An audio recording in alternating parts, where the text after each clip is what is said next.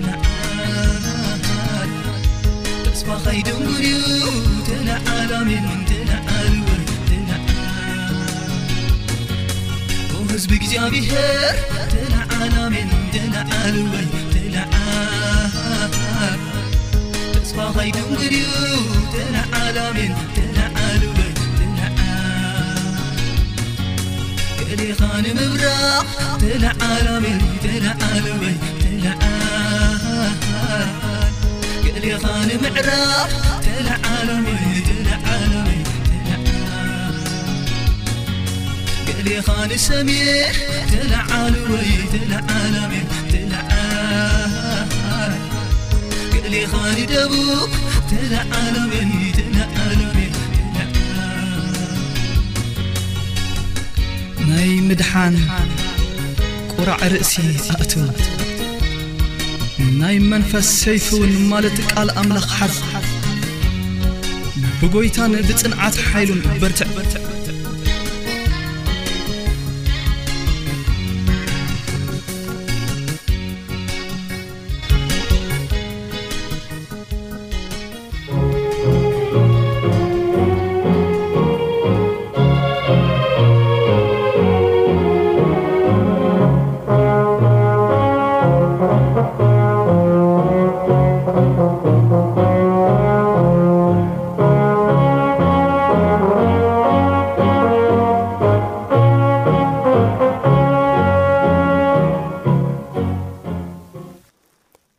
ሰላም ከመይ ጸንሑ ክቡራት ተኸታተልቲ መደብና ኣብ ዝሓለፈ ብዝረኣናዮ ሓሳብ መቐጸልትኡ ሒዘ የቐሪበ ዘለኹ እግዚኣብሔር ምእንቲ ከምህረና ሕፅር ዝበለ ጸሎት ክንጽሊኢና ንጸሊ እግዚኣብሔር ኣምላኽና ነመስክነካ ኣለና ዓብ ኣምላኽ ስለ ዝኾንካ ተንብረና ብኣኻ ንዋሳወስን ንንቀሳቐስን ንነብርን ስለ ዘለና ተመስገን ሕጂ ድማ ቃልካ ከፊትና ኣብ ንጽንዓሉ እዋን ንስኻ ምሳና ኩን መሃረና ኣስተውዒልና ምንባር ንኽእለሉ ጸጋ ድማ ኣብዝሓልና ብጐይታና መድሓናን የሱስ ክርስቶስ ስም ኣሜን ከም ዝከር ኣብ ዝሓለፈ ናይ ቃል ግዜና ዝረኣናዮ ኣርእስቲ ነቲ ዝረኣዮ ሓው ዘየፍቅሮስ ነቲ ዘይረኣዮ ኣምላኽ ከፍቅሮ ኣይከኣሎን እዩ እሞ ንሓዉ እናጸሎስ ንኣምላኽ እፍቅሮ እየ ዝብል እንተሎ ንሱ ሓሳዊ እዩ ዝብለና እዚ ተርእስትና ከም ዝከር ኣብ ዝሓለፈ እዚ ሓሳብ እዚ ከም መሰረት ወይ ድማ ከም መእተዊ ክኾነና ቁፅሪ ዓሰርተ ትሽዓተ ዘሎ ሓሳብ ኢና ርኢና ኔርና። ንሱ ድማ እንታይ እዩ ዝብል ንሱ ቀደም ኣፍቂሩና እዩሞ ንሕና እውን ነፍቅር ኢና። ስለዚ ንሱ ኣፍቂሩና እዩ።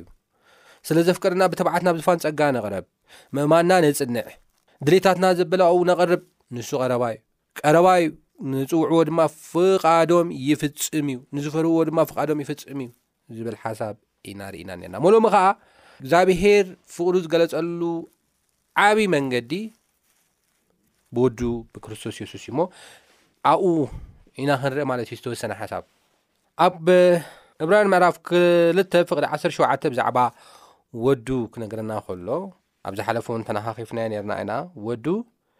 ኢየሱስ ክርስቶስ ከም ዝመጸ፣ ዙፋኑ ገዲፉ፣ ክብሩ ገዲፉ ከም ዝመጸ መጽሓፍ ቅዱስ ይዛረበና እዩ። እሞ ክዛረብ ከሎ ኣብ እብራያን ምዕራፍ 2 ፍቅዲ 17 ከም ዝብል ሓሳብ ኣሎ። ስለዚ ነቲ ሓጢኣት ህዝቢ ምእንቲ ኸተዓርቕ ብናይ ኣምላኽ ዘበለ ደንጋጽን እሙን ሊቀ ካህናት ምእንቲ ክኸውን ብኹሉ ነቶም ኣሕዋቱ ክመስሎም ተገብኦ ይብለና። መልክዕ ባርያ ወሲዱ መጺኡ ንዓና ንኸድሕን ብኹሉ መንገዲ ንዓና መሲሉ ዝሓለፍናዮ ኩሉ ፈተናታት እዩ ሓሊፉ ብኩሉ መልክዕ ንዓና መሲሉ እዩ ንሕና ክንወድቀሉ ንክእል ሓጢኣት ንሱ እውን ናይ ምውዳቅ ፕሮባብሊቲ ነይርዎ እዩ እሞ በዚ ዓይነት ፈተና ሓሊፉ ግን እንታይ እዩ ገይሩ እብራን መራፍ ኣርባዕተ ድማ እንደገና ቁጥሪ ዓሰርተ ኣርባዕተ ዓሰርተ ሓሙሽተ ኣብ ዝሓለፈ ርኢናዮ ነርና እንታይ ይብል ደጊም ይብለና መፅሓፍ ቅዱስ ክዛረብ ከሎ ብዘይ ሓጢኣት ብኩሉ ከምዚ ከማና እተፈተነ እዩ ከምዚ ከማና መሲሉ ከምዚ ከማና ዓይነት ዝበስበሰ ስጋ ሒዙ ነገር ግን ብዘይ ሓጢኣት ብኹሉ ከምዚ ከማና እተፈተነ ፈተናታቱን ከምዚ ከማና ሙሉ ብምሉእ በፂሕዎ ክገጥመና ዝኽእል ፈተና እያዎም ካባና ንላዕሊ ተፈቲኑ ኢንፋክት ንሕናስ ብዝገበርና ኢና ንፍተን ነገር ግን ንሱ ብዘይገበሮ ኣብ ክንዲ ሰናይ ሕማቕ እናተፈድየ ኣብ ክንዲ ዝፈወሶ እናተኸሰሰ ኣብ ክንዲ ምግቢ ባሪኹ ንሰብ ዝሃበ እናተኸሰሰ እናተሃድነ ብሰብ ንክፅላእ ፕሮፓጋንዳ እናተሰርሓሉ ከቢድ ፈተና ተፈቲኑ ኢንፋክት ልዕሌና እዩ ተፈቲኑ ንመጽሓፍ ቅዱስ ኣትሊስት ንዓና እውን ክርዳእና ኢሉ ከምዚ ከማና ብኩሉ ዝተፈተነ እዩ ነገር ግን ብዘይ ሓጢኣት ብዘይ ሓጢኣት ከምዚ ከማና ኩሉ ተፈተነ ይብለና ምዚ ተታሓሒዙ ናብዘን ክልተ ጥቕስታት ክምለስ እየ ኣብ ቀዳማይ ጴጥሮስ ምዕራፍ ክልተ ፍቕዲ 2ስራን ሓደን እውን ከይና ንሪእየኣለዋን ከም ዝብል ሓሳብ ኣሎ እንታይ ይብል ነዚኹም እተፀዋዕኹም ኣስኣሰሩ ክትስዕቡ ኣርኣያ ሓዲግልኩም ምእንታኹም መከራ ጸገበ ቁጽሪ ዕስራን ክልተን ከኣ ንሱ ሓጢኣት ዘይገበረ ሓጢኣት ዘይገበረ ተንኮሉ ናብ ኣፉ ዘይተረኽበ ምስ ጸረፍዎ መሊሱ ዘይጸረፈ መከራ ምስ ኣጽገብዎ ከኣ ነቲ ብቕንዕና ዝፈርድ ደኣ ነገሩ ሕሊፉ ደሃበ እምበር ዘየፈራርሀ ንሓጢኣት ሞትናስ ንጽድቂ ምእንቲ ክንነብር ንሱ በዓላ ንሓጢኣትና ኣብ ስግኡ ኣብ ዕንጨይቲ ጸሮ ብቑስሊ ኢኹም ዝሓወይኹም ይብለና ሓጢኣት ዘይገበረ ተንኮሉ ናብ ኣፉ ዘይተረኽበ ምስ ጸረፍዎ መሊሱ ዘይጸረፈ መከራ ምስ ዝገቦ ከኣ ነቲ ብቕንዕና ዝፈርድ ኣሕሊፉ ዝሃበ እምበር ዘይፈራርሀ ጎይታ እዩ ኢየሱስ ክርስቶስ ኬናም ንኢልዋን ኣብዚ ሰለስተ ዓበይቲ ሓሳባት ኢና ንርኢ ተቐዳማይ ኢየሱስ ክርስቶስ ከምዚ ኸማና ዝኾነሉ ዋና ምኽንያት ከምዚ ኸማና ኮይኑ በቲ ንሕና ንሓልፎ ፈተናታት ኩሉ ተፈቲኑ ሓሊፉ ናይ ሓጢኣት ዕዳና ክኸፍል ዘድልየሉ ዋና ምኽንያት እብራያን ምዕራፍ ክልተን እብራያን ምዕራፍ ኣርባዕተን ኬና ንርኢ ኣለዋን ብፍላይ እብራያን ምዕራፍ ኣርባዕተ ዘንበብክዎ ሓሳብ ሊቀ ካህን ክኸውን እዩ ንህዝቡ ዝርህርህ ዝርዳእ ሊቀ ካህን ምእንቲ ክኸውን እዩ እግዚኣብሔር ኣብ ሰማይ ኮላ ይርዳእን ነይሩ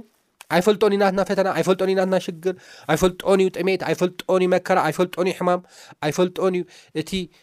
ውግእን ወረ ውግእን ኣይፈልጦን እዩ ትስ ናይ ሰብ ውዲታት ይፈልጦ እዩ እግዚኣብሔር ኩሉ ዝፈልጥ ኣምላኽ እዩ መፅሓፍ ቅዱስ ኣብ ቀዳማ ዮሃንስ ምዕራፍ ኣርባዕተ ብዚ ሒዝናዮ ዘለና ምዕራፍ ከድና ብ ንሪእየኣሉዋን ንሱ ካብ ልብና ይዓቢ እዩ ኩሉ ይፈልጥ እዩ ይብለና ካብ ልብና ንሕና ይፈልጥ እዩ ካብ ንብሎ ልብና ንባዕሉ ይዓቢ እዩ ንሱ ኩሉ ዝፈልጥ ኣምላኽ እዩ ይብለና መዝሙር ምዕራፍ ሚእትን ሰላሳን ትሽዓትን ከይድና ኣብ ንርእየሉ እዋን ኩሉ ዝፈልጥ ኣምላኽ ምዃኑ ይዛረበና እዩ። ኦምኒሰንት ጋድ እዩ። እሞ እንታይ ደኣ ነዚ ደለየ ንዓና ንኽእምን ኣእምሮና ምእንቲ ክኣምን ኢንፋክት ብዝበለጸ ድማ ከም ዝፈልጥ ንኸርእየና ተኸትኪቱ በትሪ ኣብ ነፍሱ ዓሪፉ ኣርእዩና። ስለዚ ይብለና ዕብራውያን ምዕራፍ ኣርባዕተ ፍቕዲ ዓሰርተ ሓሙሽተ ከምዚ ገይሩ ካብ ርኣየና ክድንግጸልና ዘይኽእል ሊቀ ካህናት የብልናን። ዝድንግጽ ሊከ ካህን እዩ ዘለና። ንዓና ክርእየና ከሎስ ኣይ ዝያዳ ቀላል እንዳ ኢሉ ዘነዓቕ ኣይኮነን። ዝድንግጽ ዝርህርህ ሊቀ ካህን እዩ ዘለና ይብለና መጽሓፍ ቅዱስ ክዛረበና ከሎ። ቀዳማይ ሓሳብ እዚ ኣብ ክንዲ ህዝቡ ቆይሙ ዝረአ ዝርህርህ ዝሓዝነልና ሊቀ ካህን እዩ ዘለና። ንሱ ድማ ኢየሱስ ክርስቶስ እዩ። እቲ ካልኣይ ሓሳብ ኣብ ቀዳማይ ጴጥሮስ ምዕራፍ ክልተ ፍቕዲ ዕስራን ሓደን ክሳብ ዕስራን ሰለስተን ዘንበብክዎ ሓሳብ ኣሳሰሩ ምእንቲ ክትስዕቡ እዩ ዝብለና። ኢየሱስ ክርስቶስ ናብዚ መጺኡ መከራ ዝጸገበ፣ ዝተሸገረ፣ ዝጠመየ፣ ዝቖረረ፣ ኩሉ ፈተናታት ዝበፅሖ ኣስኣሰሩ ሞኻ ማለት ብዘይ ሓጢኣት እዚ ኩሉ እኳ ናተፈተነ ብዘይ ሓጢኣት ብዘይ ተንኮል ምንባሩ ኣስኣሰሩ ብፅድቂ ምእንቲ ክንስዕብ እዩ ዝብለና መፅሓፍ ኢንፋክት ኣብ ቀዳማ ዮሃንስ ምዕራፍ ክልተ ፍቅዲ ሓጠ ኣቱም ደቀየ ይብለና ንዓና ክዛረበና ከሎ ሓጢኣት ምእንቲ ከይትገብሩ እዚ ፅሕፈልኩም ኣለኹ እዩ ዝብለና ዮሃንስ ሓጢኣት ዚ ክትገብሩ የብልኩምን ጸጋ ንዓኹትኩም ብጸጋ እኳ ተደሓንኩም፣ ጸጋ ግን ሓጢኣት ንኽትሰርሑ ዝተዋህበ ፍቓድ ኣይኮነን። ብዘይ ሓጢኣት ንኽትነብሩ ዝጽውዕ እዩ እቲ ጸጋ ኣምላኽ እዩ ዝብለና ዘሎ። ኣስ ኣሰር ክርስቶስ ሓጢኣት ኣይገብር ንስኻትኩም እውን ሓጢኣት ከይትገብሩ ኢንፋክት ደቂ ሰባት ኢኹም ማንም ሓጢኣት ተገበረ እንተሎ ግን ጠበቃ ባቦ ኣለና ንሱ ድማ የሱስ ክርስቶስ ጻድቕ እዩ ስለዚ ንሱ ንሓጢኣትና መተዓረቂ እዩ፣ ብናይ ሓጢኣት ኩሉ ዓለም ደኣ እምበር ብናይ ሓጢኣትና ጥራሕ ኣይኮነን። ስለዚ ወዲቅኩም ኣይትትረፉ ድማ ይብለና ካልኣይ። እቲ ዋና ኣልቲሜት ጎሉ ግን ሓጢኣት ከይትገብሩ ተጠንቀቁ እዩ ዝብለና መፅሓፍ ቅዱስ። ኢንፋክት ምስዚ ኣተሓሒዘ እታ ሳልሰይቲ ነጥበይ ኣብ ቀዳማ ዮሃንስ ምዕራፍ ሰለስተ ፍቕዲ ዓሰርተ ከይና ንርኢ ኣለዋን ከም ዝብል ሓሳብ ኣሎ ጽድቂ ዘይገብር ንሓዉ ዘይፍቅር ካብ ኣምላኽ ኣይኮነን ይብለና እንተ ደኣ ጽድቂ ዘይንገብር ኰይንና፣ ንሓውናን ዘይነፍቅር እንተ ዀይንና፣ ካብ ኣምላኽ ኣይኰናን። ውሉድ ኣምላኽ ውሉድ ድያብሎስን በዚኦም ዝግለጹ ይብለና። ጽድቂ ክንገብር እዩ እግዚኣብሄር ዝጽውዓና። ናብቲ ዝቕጽል ሓሳብ ናብ ቀዳማ ዮሃንስ ምዕራፍ ኣርባዕተ ፍቕዲ ዓሰርተ ሓደ ኸይድና ኣብ ነንብበሉ እዋን ኣቱም ፍቑራተይ ይብለና ብዛዕባ ፍቕርኻ ክንርኢ ከለና። ስለዚ ጽድቂ ክንገብር ከም ዘለና ብዘይ ሓጢኣት ክንነብር ከም ዘለና እቲ ኣልቲሜት ጎሉ እቲ ዋና ሽትኡ እዚ ከም ዝኾነ ፈሊጥና ብጽድቂ ክንነብር ከም ዘለና ተረዲእና ካብዚ ብምቕጻል ቁጽሪ ዓሰርተ ሓደ ከኣ ኣብ ቀዳማይ ዮሃንስ ምዕራፍ ኣርባዕተ ዓሰርተ ሓደ እቲ ዋና ሓሳብና ኣብዚ እዩ ዘሎ፣ ኣቱም ፍቑራተይ፣ ኣምላኽ ከምዚ ገይሩ ካብ ኣፍቀረናስ ንሕና ነንሕድና ክንፋቐር ይግብኣና እዩ ይብለና። እቲ ዋና ሓሳቡ ነንሕድና ክንፋቐር ኣለና እዩ ዝብል ዘሎ። ቅድሚኣ ዘላ ግን ወሳኒት ነጥቢ ኣላ፣ ኣምላኽ ከምዚ ገይሩ ካብ ኣፍቀረናስ። ኣብ ዝሓለፈ ናይ ቃል ግዜና እግዚኣብሔር ንዓና ዘፍቀረና ካብ መለኮታዊ ባህሪ እዩ ደኣ እምበር ካብቲ ናትና ዝፍቶ ባህሪ ኣይኮነን ወይ ድማ ካብ ጥቕምን ረብሓን ዝተላዕለ ኣይኮነን ኢልና ነና ሕጂ ብዚ ከዓ ኣምላኽ ከምዚ ገይሩ ካብ ኣፍቀረና ሲ ነንሕድና ክንፋቐረ ኣለና ይብለና ስለዚ ንዓና ንሕድሕድና ንኽንፋቐር መልዓሊ ዝኾነና ወይ ድማ መበገሲ ዝኾነና ፍቕሪ ኣምላኽ ደኣ እምበር ናይቲ ሰብ ማንነት ኣይኮነን ናይቲ ሰብ ዝገበረልና ውዕለት ኣይኮነን ዘመድ ኣዝማድ ስለ ዝኾነ ኣይኮነን ፍቕሪ ኣምላኽ እዩ መበገሲ ዝኾነና ንሓደ ሰብ ንኸነፍቅር መበገሲና እግዚኣብሄር ንዓና ስለ ዘፍቀረና ንኸድሕነና ከዓ ሓደ ወዱ ስለ ዝሃበ እዚ እዩ መበገሲና እዩ ዝብል ዘሎ መፅሓፍ ቅዱስ ክዛረብ ከሎ መበገሲና እዚ እዩ ካብዚ ተበጊስና ኢና ንካልኦት ክን ከነፍቅር ዘለና እዩ ዘሎ ኢንፋክት ኣብ ዮሃንስ ወንጌል ምዕራፍ ዓሰርተ ሰለስተ ፍቅዲ ሰላሳ ኣርባዕተን ከድና እውን ንሪኦ ኣለዋ እንታይ ይብል ንሕድሕድኩም ክትፋቐሩ ከምቲ ኣነ ዘፍቀርኩኹም ከምኡ ጌርኩም ንሕድሕድኩም ክትፋቐሩ ሓድሽ ትእዛዝ ዝበኩም ኣሎ ከምቲ ኣነ ዘፍቀርኩኹም ጌርኩም ንሕድሕድኩም ተፋቕሩ ኣነ ፍቂረኩም እየ እሞ ንሓውኹም ንብጻይኩም ድማ ንስኹኩም እንታይ ግበርዎ ኣፍቅርዎ ንሕድኩም ከምቲ ኣነ ዘፍቀርኩኹም ጌርኩም ኣፍቅርዎ በቃ ኣነ ስለ ዘፍቀርኩም ንዕውን ኣፍቅርዎ ከመይ ገይረ የፍቂረኩም ኣነ ውዕለት ርኤ ጥቕሚ ርኤ ረብሓ ርኤ ኖ መበገሲ ዝኾነ ናተይ መለኮታዊ ባህሪ ከም ዝኾነ ናትኩም መበገሲ ከዓ ካብቲ ኣባይ ዝረኣኹሞ ፍቕሪ ክኸውን ኣለዎ ከምቲ ኣነ ዘፍቅርኩም ጌርኩም ኢኹም ከዓ ንዑ ከተፍቅርዎ ዘሎ ውሽ ብፍፁም ፍቕሪ ኢኹም ከተፍቅርዎ ዘለኩም ብዘለኣለማዊ ፍቕሪ ብኣካፓው ዝበሃል ዘላለም ፍቕሪ ብኣምላኻዊ ፍቕሪ ኢኹም ከተፍቅርዎ ዘለኩም ኢሉ ፃውዒት የቕርበልና ማለት እዩ መፅሓፍ ቅዱስ ከድና ክንሪኦ ከለና ማለት እዩ ኣብዚ ሓደ ዝሕተት ሕቶ ኣሎ ንሱ ድማ ኣብ ሉቃስ ምዕራፍ 1 ፍቕዲ 39 ሓደ ርእሱ ከጽድቕ ኢሉ ዝሓተቶ ሕቶ ማለት እዩ እዚ ሰብ እዚ ፈላጥ ሕጊ እዩ መምህር እዩ ኣይሁዳዊ ብደንቢ ኣፍልጦ ዘለዎ እዩ ንየሱስ ክርስቶስ ሓቲትዎ የሱስ ክርስቶስ መሊስሉ ምስ መለሰሉ ደሓር እቲ ፈላጢ ሕጊ እቲ መምህር ሓደ ወሳኒ ዝኾነ ጽብቕቲ ሕቶ ሓቲትዎ ኢንፋክት ንርእሱ ንኸጽድቕ ፈላጢ ንምባል ኢሉ ሓትዎ ግን ትኽክለኛ ሕቶ እዩ ሓቲትዎ እንታይ ኢሉ ሓቲትዎ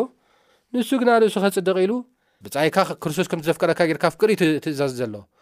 ንሕድና ክንፋቐር እቲ ሓውኻ ሓፍትኻ ክተፍቅር እዩ እቲ ጻውዒት ዘሎ እሞ ካብኡ ዝሓተቶ ሕቶ ክንርኢ ከለና ግን እንታይ እዩ ብጻይከ መን እዩ ኢሉ ሓቲቱ ኣብዚ ንነብረሉ ዘለና ዓለም ንሕድሕድካ ኣፍቅር ዝብል ናይ እግዚኣብሔር ትእዛዝ ብኸመይ ጌርና ኢና ተርጒምናዮ ዘለና ኣብ ቀረባኻ ዘሎ ዓርክኻ ፈታዊኻ ሓፍትኻ ክትከውን ትኽእል ሓውኻ ክኸውን ይኽእል ኣቦኻ ኣዴኻ ክኸውን ይኽእል ነዚኦም ኣብ ከባቢኻ ዘለዉ ዝገብሩልካ ትገብረሎም ሰባት ንዕኦም ኣፍቅር እዩ ዝብል ዘሎ በዚ ገርና ኢና ንትርጉሞ ነገር ግን ንሶም ጥራሕ ድዮም ብመልክዕ ኣምላኽን ብምስሊ ኣምላኽን ተፈጥሩ ንዕኦም ጥራሕ ክነፍቅር ዲና እግዚኣብሄር ፅዋዓና ዘሎ ዝብል ሕቶ እዚ ወዲ ወይ ድማ ሰብኣይ ብዝሓተቶ ሕቶ ምላሽ ዝረኸበ ሕቶ እዩ እንታይ ኢሉ የሱስ ክርስቶስ የሱስ መሊሱ በለ ሓደ ሰብኣይ ካብ የሩሳሌም ናብ ያሪኮ ክወርድ ከሎ ኣብ ኢድ ከተርቲ ወደቐ ገፈፍዎን ከትከትዎን ዳርጋ ምዉት ገይሮም ከዓ ገዲፎሞ ኸዱ ኮነ ከዓ ሓደ ካህን በታ መንገዲ እቲኣ ክወርድ ከሎ ርእይዎ ሓለፈ ከምኡ ድማ ሓደ ሌዋዊ ኣብ እታ ቦታ እቲኣ ምስ በጽሐ እናረኣየ ሓለፈ። ሓደ ሳምራዊ ሓላፊ መንገዲ ግና ናብኡ መጸ፣ ምስ ረኣየ ኸኣ ደንገጸሉ። ናብኡ ቐሪቡ ኣቕሳሉ ሰፈፈሉ፣ ዘይትን ወይንን ከኣ ኣፍሰሰሉ። ኣብ ኣድጉ ኣወጢሑ ናብ ማሕደር ኣጋይሽ ወሲዱ ኣለዮ። ንጽባሒኡ ድማ ክልተ ዲናር ኣውጺኡ ነቲ ሓላዊ ማሕደር ኣጋይሽ ሃቦ እሞ፣ ተኸናኸኖ። ንኡ ኢልካ ዘጥፋእካዮ ዘበለ ምስ ተመለስኩ ክፈድየካ እየ በሎ። ነቲ ኣብ ኢድ ከተርቲ ዝወደቐ ኻብዞም ሰለስተስ ብጻይ ዝዀኖ ኣየኖም እዩ? ኢሉ መለሰሉ ንሱ ድማ እቲ ምሕረት ዝገበረሉ በለ የሱስ ከዓ ኪድ ንስኻ ውን ከምኡ ግበር በሎ እዚ ካብ የሩሳሌም ናብ ያሪኮ ክወርድ ከሎ ኣብ ኢድ ከተርቲ ዝወደቐ ብከተርቲ ድማ ዝገፈፍዎ ዝኸትከትዎ ዳርጋ ሙት ገይሮም ድማ ገዲፎሞ ዝኸዱ ሰብኣይ ማነቱ ይዛረብኒ መን እዩ ካበይ እዩ መፅዩ እንታዋ እዩ ቤተሰቡ ከበይ ኣለዉ ምንም ዝፍለጥ ነገር ይብሉ ሰብ መልክዕ ኣምላኽ ብምስሊ ኣምላኽ እተፈጥረ እዩ ነገር ግን እዚ ሳምራዊ ከድናም ንርእየኣሉዋን እዚ ሳምራዊ እዩ ወዲ ዓደ እዩ ስለዚ ንወዲ ዓደይ ኣነ ዘርእይ ስለ ዝኾነ ከልዕሎ ኣለኒ ኢሉ ይሓሰብን ምክንያቱ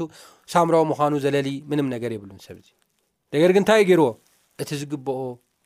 ነገር እዩ ገይርሉ ቁስሉ ብዘይቲ ሰፊፉ ንክሓዊ ገይሩ ናብ እንዳ ሕክምና ወሲዱ ተንካ- ተኻናኸኖ ኢሉ ከፊሉ ዋጋ ከፊሉ ዘውፀካ ካልእ ወፃእታት ተሃልዩውን ኣነ እንደገና ክከፍለካ እየ ኢሉ ከም ተንከባኸቦ ኢና ንርኢ ብዚ ሓሳብ እዚ ማለት እዩ ስለዚ እቲ ቀዳማይ ሓሳብ ኣብዚ ሓሳብ እዚ ብፃይካ እቲ ብመልክዕ ኣምላኽን እቲ ብምስሊ ኣምላኽን እተፈጥረ ወዲ ሰብ ደኣ እምበር ብፃይካ ሓፍትኻ ወይ ሓውኻ እቲ ፅቡቕ ዝገበረልካ ዓርክኻ ወይ ድማ ትገብረሉ ዓርክኻ ኣይኮነን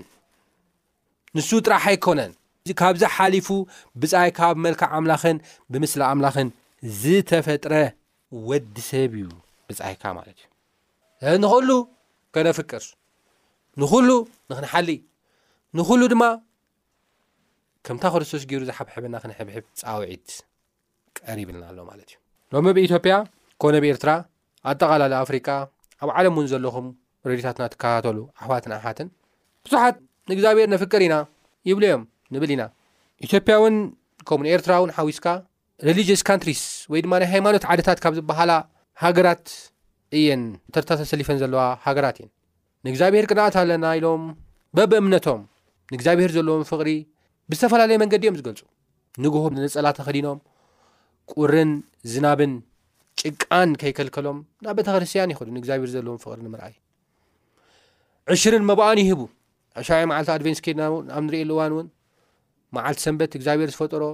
ምስ ኣሕዋት ሕብረት ንምግባር ይኸዱ እሞ ሰንበት ከይዶም ንእግዚኣብሔር የምልኹ ይሰግድሉ ፕሮቴስታንት ቸርች ዘለውን ኬናም ንርእየሉ እዋን ከምኡ ንእግዚኣብሔር የምልኹ ሓቢሮም ዕሽሮምን መባኦምን ኣብ ሸውዒ መዓልቲ ኣድቨንስ ዘሉ ኣብ ካልእ ቤተክርስትያን ዘለዎ ኾነ ኩሉ እንታይ ይገብር ይህቡ ገንዘቦም ይህቡ ፍቕሪ የርእዩ ነገር ግን እቲ ሓደ ዓብዪ ጸገም እንሪኦ ኣብዚ ዓዲ እዚ ኮነ ኣብ ኤርትራ ከምኡ ውን ካልእ ዓለም እቲ ሓደ ዓቢ ጸገም ኮይኑ ዘሎ ነገር ግን ተሃለወ እንታይ እዩ ንብጻዩ ግን ኣየፍቅርን እዩ ነቲ ብመልክዕ ኣምላኽን ብምስልን ዝተፈጥረ ወዲ ሰብ ግን ኣየፍቅርን እዩ ክርኳሕ እዩ ንሓዉ ክርኳሕ እዩ ንሓፍቱ ክርኳሕ እዩ ነቲ ብመልክዕ ኣምላኽን ብምስልን እተፈጥረ ወዲ ሰብ ነዚ ናይ ሎማ ርእስና ንኣምላኽ ኣፍቅሮ እየ እናበለ ንሓዉ ዝጸልእ ንሱ ሓሳዊ እዩ ዘለና ከመይ ገይሩ ነቲ ዜራይ ኣምላኽ ነቲ ዝሪኦ ሓዉ ዘየፍቀረ ሲ ነቲ ዜራይ ኣምላኽ ሲ ኣፍቅሮ እየ ክብል ዝኽእል ከመይ ገይሩ እዩ ይብለና መፅሓፍ ቅዱስ ከመይ ገይሩ ከምኡ ክብል ይኽእል ነቲ ዝረኣዮ ሓዊ እኳ ዘየፍቀረስ ነቲ ዜራይ ኣምላኽ የፍቅሮ እየ ሞተሉ ኢሉ እዚ ሓሶት እዩ ዝብለና መፅሓፍ ቅዱስ ከድና ንሪኦ ኣለና እዚ ሓሶት እዩ ካብ ሓሶት ክንወፅእ ኣለና ናይ ሓሶት ሂወት ኣጥፋኣ እዩ ናይ ሓሶት ሂወት ኩሉ ግዜ ኣዕናው እዩ ናይ ሓሶት ሂወት ኩሉ ግዜ ናብ ብስባሰን ናብ ጥፍኣትን እዩ ዝወስደና ብናይ ዓለም ምትላል እተታለለ ናይ ሓሶት ናብራ ዘሎ ነብር ዘሎ ሰብ እዩ ካብዚ ነገር ክንወፅእ እዩ ናይ እግዚኣብሔር ፃውዒት ሎሚ ካብዚ ነገር እዚ ንውፃእ ብሓቅን ብመንፈስን እግዚኣብሄር ዘምልኹ ዝፈቱ ብሓቅን ብመንፈስን እዩ ብሓቅን ብመንፈስን እዩ ብሓቂ ከምልኾ እዩ ዝደሊ እግዚኣብሔር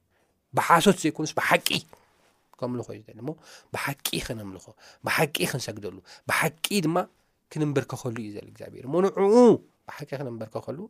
ይግባኣና በረኸት ኣለዎ ንሓው ካብ ምፍቃር በረኸት ኣለዎ ንውፃኢ ካብ ምፍቃር በረኸት ኣለዎ መፅሓፍ ቅዱስ ኣብ ኢሳያስ ምዕራፍ ሓደ ከይና ንሪኢ ኣለዋን እንተ ተኣዚዝኩምን ንስሓት ኣትኹምንሲ ናይ ምድሪ በረኸት ክትበልዑ ኢኹም ይብለና በረኸት ኣለዎ ክንባረኽ እንተ ደኣ ኮይና ነንባዕልና ንፋቐር ክንባረኽ እንተ ደኣ ኮይና ፍቕሪ ኣምላኽ ንረዳእ ክንባረኽ እንተ ኮይና ናብቲ እግዚኣብሄር ኣምላኽ ዝረኣየልና መንገዲ ብኡ ንኳዓዝ እዚ ክንገበር እምበኣር እግዚኣብሄር ፀጉ የብዝሓልና ኣብ ዝቐፅል ብካልእ ክሳብ ንራኸብ ሰላም ኩኑ ጎይታ ይባርኽኩም